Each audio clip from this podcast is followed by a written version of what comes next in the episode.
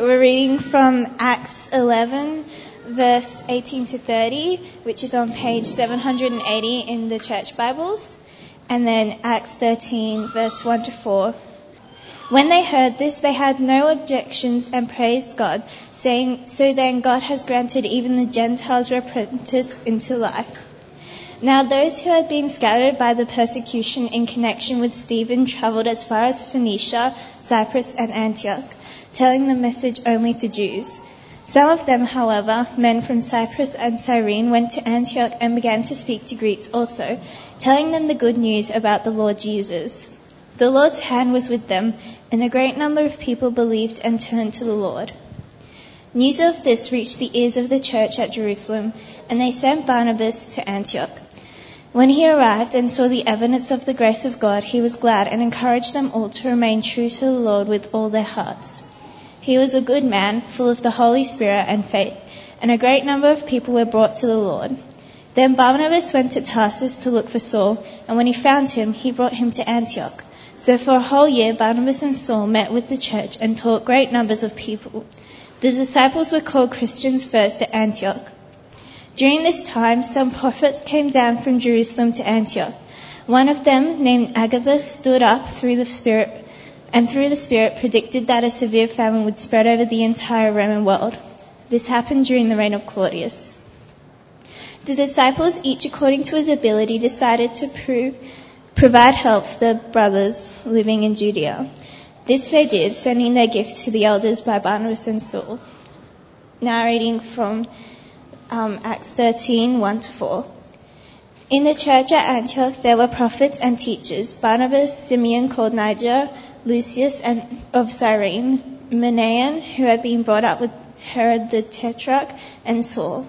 While they were worshipping the Lord and fasting, the Holy Spirit said, Set apart for me Barnabas and Saul for the work to which I have called them.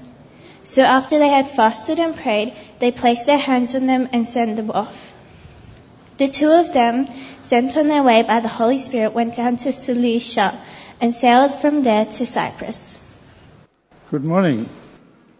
First, I'd like to thank, thank Steve for the privilege of being able to share God's Word this morning.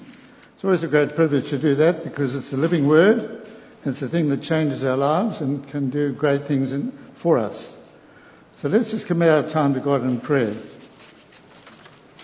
Our gracious Heavenly Father, we thank you for your Word, the living Word.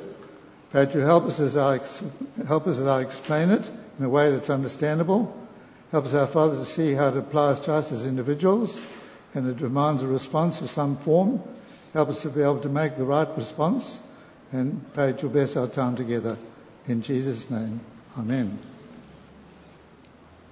Now, on the 31st of October, there was this Reformation Sunday, because on the 15th, or 31st of October 1517, in Wittenberg, Martin Luther nailed his 95 Theses to the church. And world history changed from that time onwards because for the first time, well not for, for a long time, the Word of God had been, inspired Word of God had been rediscovered. And people realized that that was the authority, not what the traditions of the church were. But the amazing thing was, it took from 1517 until 1732 for the first Protestant missionaries to actually be sent out to share the gospel with people around the world. Now that took 215 years of people who exposed the Bible, but they were blinded by the fact that the word was actually meant for everybody, just not for them. And that's the amazing thing. Until a guy called Count Zinzendorf from Austria, he sent a, from Moravia, from Moravia, they sent out 2,170 missionaries over the next 150 years. And that's about 40, 14 different missionaries every year, new. Mainly to West Indies, then to Africa and to Europe and all over. And then William Carey went to India in 1792, which is another 60 years later, and that opened the floodgates of people realizing they need to go out and share the gospel with people right around the world. Now today many Christian churches are not interested in missions because they don't see it as a need. I'm wondering what you think and what I think. Now the Great Commission background, by the way, there's an outline on the back of your program of the, the various sections I'm talking about, if you'd like to look at it, and that'll help you give um, clarification of what's going on, and you can check me out and come and see me if you don't agree with what I say afterwards. But here we find the church goes out in the background of the Great Commission is repeated in the four Gospels in the book of Acts. Now, many think the Great Commission actually started after the death and resurrection of Jesus. But actually, it started because right from the beginning of time, when God created man and put him in the Garden of Eden and gave him the rule which they disobeyed, sin entered into the world. Genesis chapter 3, verse 15, God indicated that he was going to reconcile man who disobeyed him, separated from him by sin. He's going to reconcile himself back to them in some time down the future to a particular person. See, God has always been a missionary God from the beginning of the Bible right through the end. He's always reaching out to reconcile people to himself, trying through Israel and various other things through the years.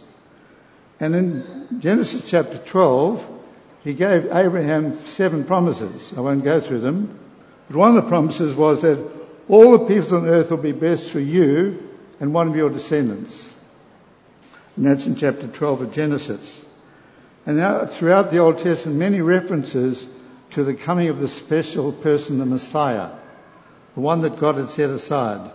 And we're told in Galatians chapter 3 that Jesus, as Abraham's special descendant, redeemed us through his death and his resurrection. In other words, God fulfilled the plan that he'd had since the foundation of the world, we are told, through Jesus coming to die on the cross to pay the penalty for our sins. Now, the Great Commission is repeated five times, showing its importance. The end of each Gospel, as well as the book of Acts, there's a thing about going out and sharing the Gospel with people right around the world. And Acts chapter 1 verse 8 says, you, you shall receive power when the Holy Spirit comes upon you, and you will be my witnesses in Judea, Samaria, and Samaria and to the rest of the world. In other words, there are stages that started out, and Luke, who wrote the gospel, wrote the gospel, but also wrote the book of Acts, talked about the growth of the Christian church. And it started in Jerusalem, then spread to Judea, then Samaria, and then to the ends of the earth. And we're going to concentrate on the ends of the earth, the, the last section. But before we get there, we just need to look a bit at, at what goes on. See, we find the Christian church was active in Jerusalem. The Great Commission's given the day Pentecost arrived. 3,000 people responded, and then gradually more and more people responded. And after a long time, the enemy said to them, You filled Jerusalem with your teaching. We told you not to teach in this name, but you filled the whole of Jerusalem with your teaching. You're trying to bring the sin of the, the death of this man Jesus responsibility for it down on our heads. And they try to stop the spread of the gospel. But you see, the Christian church started very well. It continued to grow. But the problem was they were supposed to start in Jerusalem, and then spread out further afield. But they loved the fellowship in Jerusalem, so they stayed there. And over a number of years, many people were taught the Word of God, remembering that the disciples are the ones that had been taught by Jesus, he taught, they then taught, empowered by the Spirit, they were able to teach the Word of God. And they focused on Jesus' teaching the gospel and how to live as Christians. Now, in your outline, you'll see some verses there. Those are some of the verses of the pickup of how the gospel spread in stages. They're not all there, but there's some there. And end up, actually, the end of Acts of Apostles, chapter 28, the last two verses, Paul was actually in Rome, the end of the world as far as Jerusalem was concerned. He was there preaching and teaching the kingdom of God unhindered for two solid years. So the word of God actually spread out to their known world in their lifetime without all these technical things, videos and TVs and smartphones, all those things. They just had their feet, they had their mouth, and they went. And they did it. And God blessed them in their ministry. They focus on teaching locally. But chapter 6, we find that the church was growing. There was a problem there. They elected seven wardens, uh, seven, they called them deacons, to look after things. And one of them was a guy called Stephen. Now, Stephen was a great preacher, apparently, and he was accused falsely about doing things that were against the temple of God, or against the temple in Jerusalem. And he got up and spoke in chapter 7. And he defended himself. He explained about the Jews' disobedience over many years. They rejected God's control. They didn't like it and they stoned him to death. It was a guy there called Saul of Tarsus. He was a Pharisee. He hated the message of Jesus. He tried to get all the people who spoke about Jesus and put them in jail. And a great persecution rose up against the Christian church. Now you see, God had said to them, start in Jerusalem, go to Judea, the province, Samaria, the next country, and then the end of the world. They stayed in Jerusalem. But through the persecution, they were forced to go because God wanted the message to go throughout the world. And He forced them to go out through that message. Now, if they continued to preach and teach in Jerusalem, it's interesting that the apostles stayed behind and all the others went out. Wherever they went, they shared what they believed with other people because they'd been taught well by the apostles. Now, why did the apostles stay behind? Because the main church was Jerusalem. That was the head office in a sense.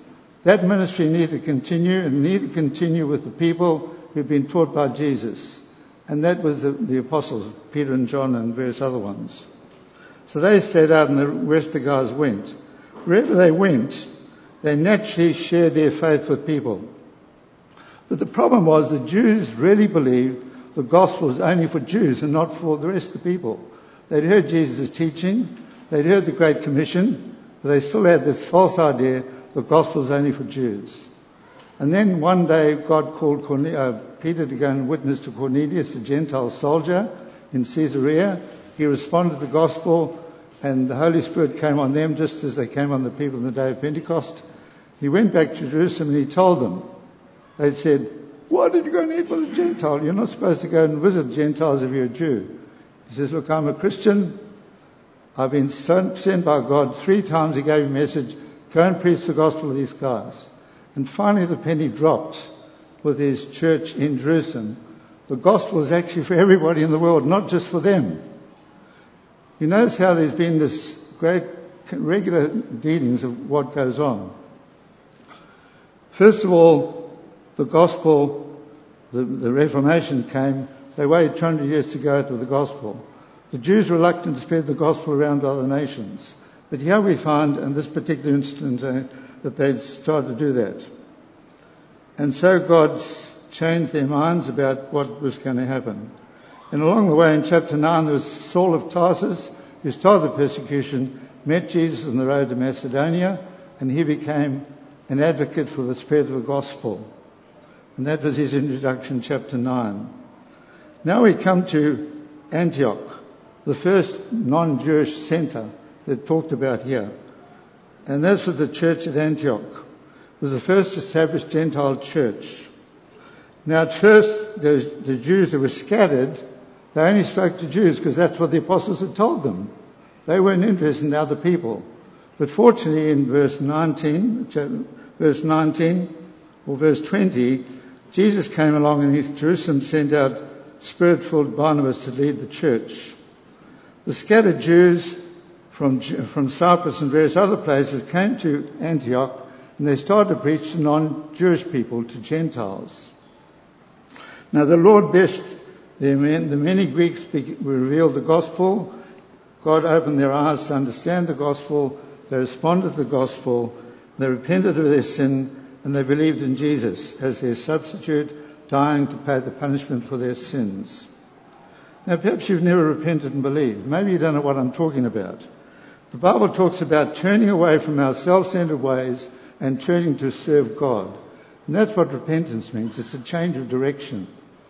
Now, perhaps you've never done that. If you really believe. Now, when I was 27, I'd been brought up in a Christian church, but they didn't preach the gospel.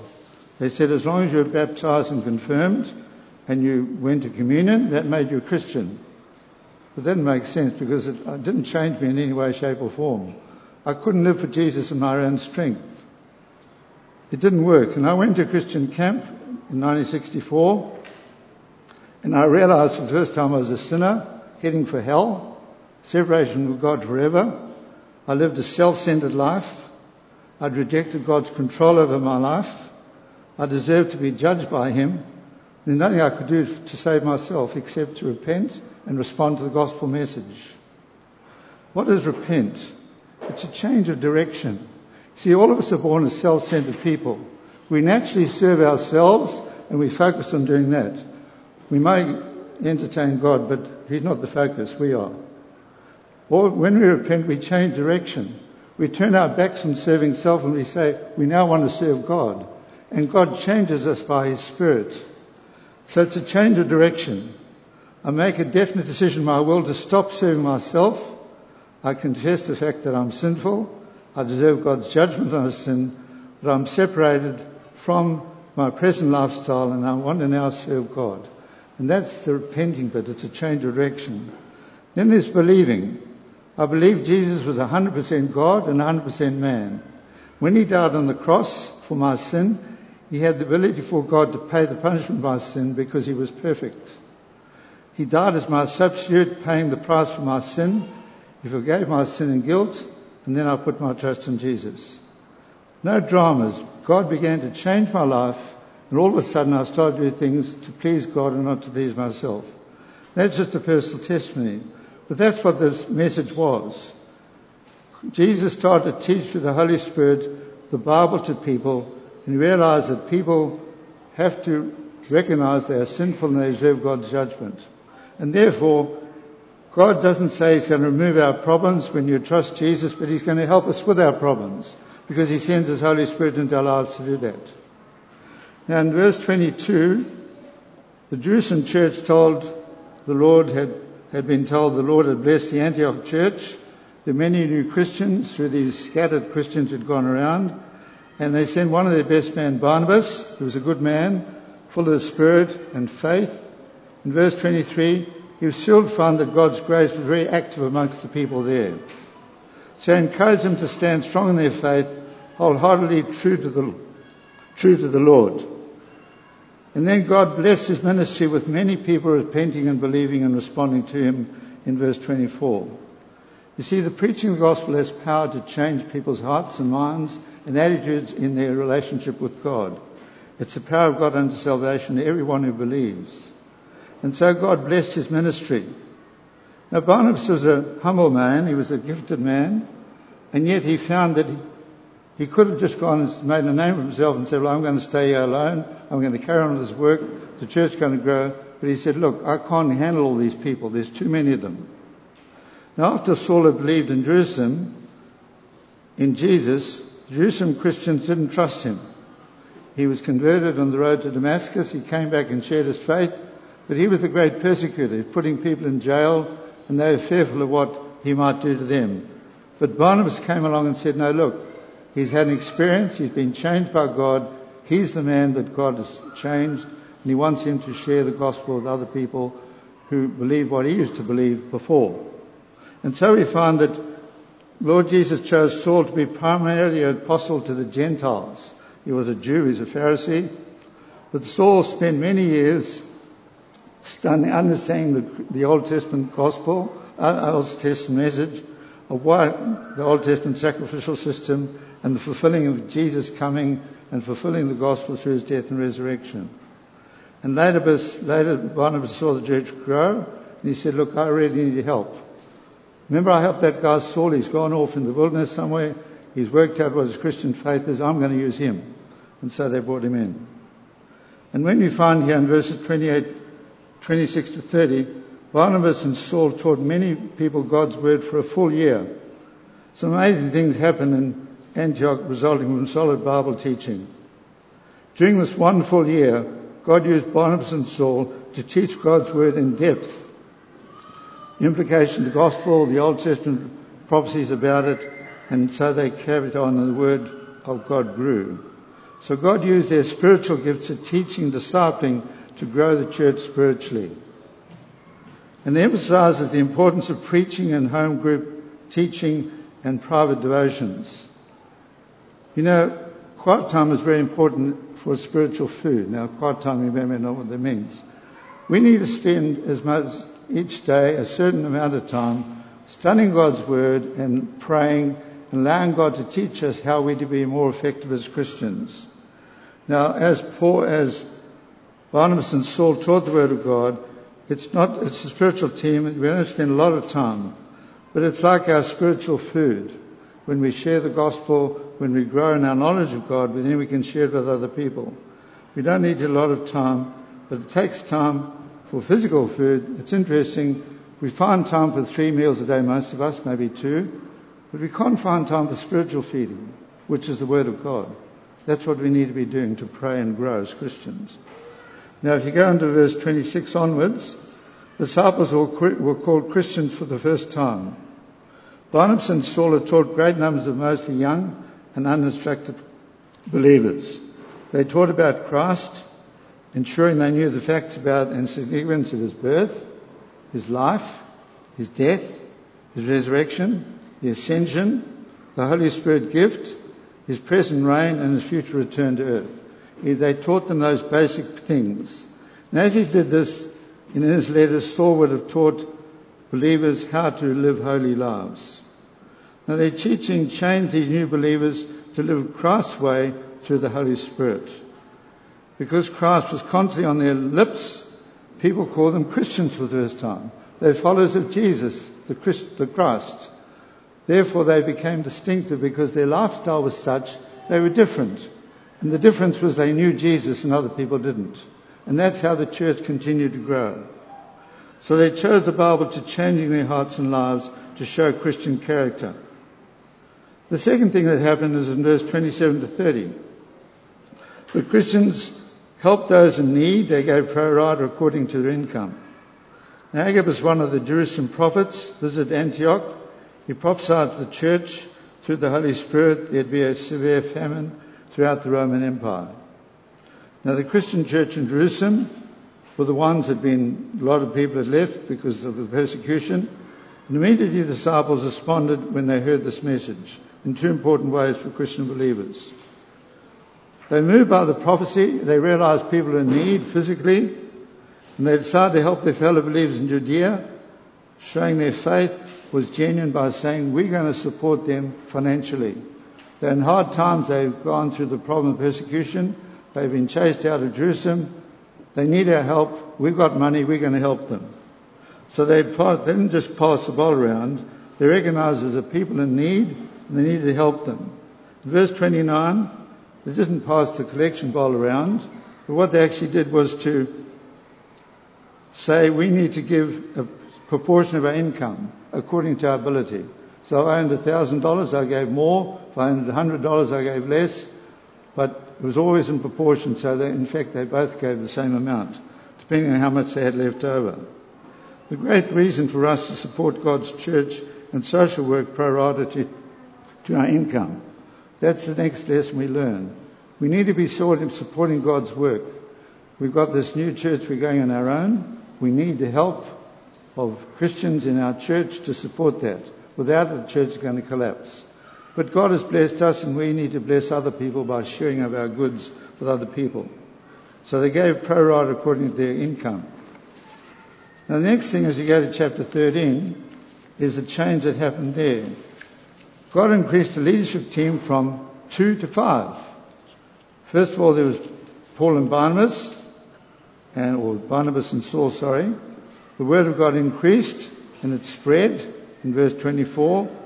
And the word of God spread throughout Jerusalem, Judea, Samaria, Ethiopian eunuch and other people. Many, many people heard the Christian gospel. And Acts 13 begins with the final section of Acts chapter 1 8. You'll be my witnesses to the end of the earth. End of the earth. Following the years Bible teaching, God raised up three extra leaders. See, the Word of God is powerful. It changes people's hearts, changes their attitudes, and they now have a desire to share what they believe with other people. And as Paul and Barnabas, Saul and Barnabas spent this time teaching, they realized their responsibility as a Christian church. And they began to fast and pray, what did God want them to do as a church at Antioch? And following the year's teaching, God raised up three extra leaders. Started out with Saul and Barnabas, or Barnabas and Saul, now ended up with five guys. How'd they come about? We have no indication except for the fact that following the solid teaching of Barnabas and Saul, the people responded to the gospel because the power of the word of God changed them. And It challenged them to grow more committed. Now, many years ago, Anne and I were involved with a church planting group among Zulu people. And we met one of, I met one of the men on the streets as I was walking around the town African area, and he was learn, keen to learn about the Bible. And they had a problem with their particular thing. They worship ancestors, part of their Christianity, so they believed. But anyway, I spent time teaching him over a period of time what the Bible had to teach. And then he got three of his other friends. And over that period of time, the one guy fell away. He wanted to carry on with his money and his shop that he had, and he fell away. But the other two guys, other three guys, they continued to learn more and more about the Word of God, and the Word of God changed them. And two of them ended up going to Bible school and now pastors in churches. The third one's still going on. See, that's the power of God's Word to change people so they can get on with the gospel. And that's how the church grows. Encourage God, encourage each Christian to use your spiritual gift that God has given to you in the work of the church. That's our responsibility, to encourage each Christian to be involved. And many of you are doing that. Then the last section, verses 2 to 4 of chapter 13. As they worshipped, the Holy Spirit said, Set apart, apart from me Barnabas and Saul as missionaries. Now, as the church worshipped God and prayed and fasting, fasted, the Holy Spirit said to them, Set apart Barnabas and Saul for the work to which I have called them. See, the Christian call is very strong. People were motivated by the Word of God to see the needs of those who were going to lost eternity, separated from God forever, and therefore these guys, they responded. Now, God didn't say, we're going to send all, some of the lesser guys, we're going to send the two main guys, Barnabas and Saul, because they really know the Christian gospel. They're going to go to the non-Jewish people, the Gentiles, and God's going to show them exactly where to go. And so they chose the two senior leaders and they left the three behind. Now it's interesting in Jerusalem, God kept the leaders behind and sent the Christians out. Now he's sending the two leaders out and leaving the three leaders behind because he wanted them to carry on the work in Antioch. And therefore we find that after prayer and fasting, the church placed their hands on Barnabas and Saul in verse 5, verse 3, and they sent them out. The Holy Spirit sent them off. The Holy Spirit showed them exactly where to go. Now it's response of every local church to look at the people in our church, those who show spiritual gifts. And if they show spiritual potential, to say, maybe God wants you to be involved in Christian activity. Maybe He wants to call you to missionary work or to be a pastor in the church, to go to Bible school. That's a challenge. Maybe God, God is gifting or calling you to become a missionary. Now, just to sum up all that we said, it's a lesson about missions, the local church and its members. It's the importance of sharing what we believe with people of all cultures and languages. That's what the Christian church initially in Jerusalem didn't get. It's not just for them, it's for everybody, right around the world. And even took the, the Reformation 200 years before they got the message as well. The gospel's meant for everybody right around the world. It's important also to be taught the Bible through daily quiet time and Bible readings and sermons and home groups. Do you show others the changes in your life because you become more Christ-like, because the Word of God is changing you? You're becoming more like Jesus? Secondly, are you supporting God's work financially in proportion to your income? To spread the gospel in our local church, to support missions and missionaries, as we've been encouraged to do, and helping others in need.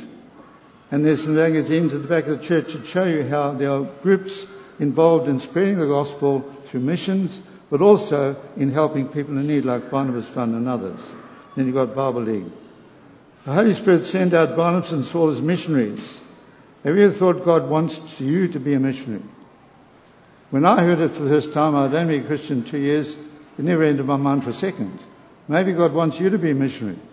And that was a challenge and God changed the direction of my life, or my, uh, my wife and my wife's life.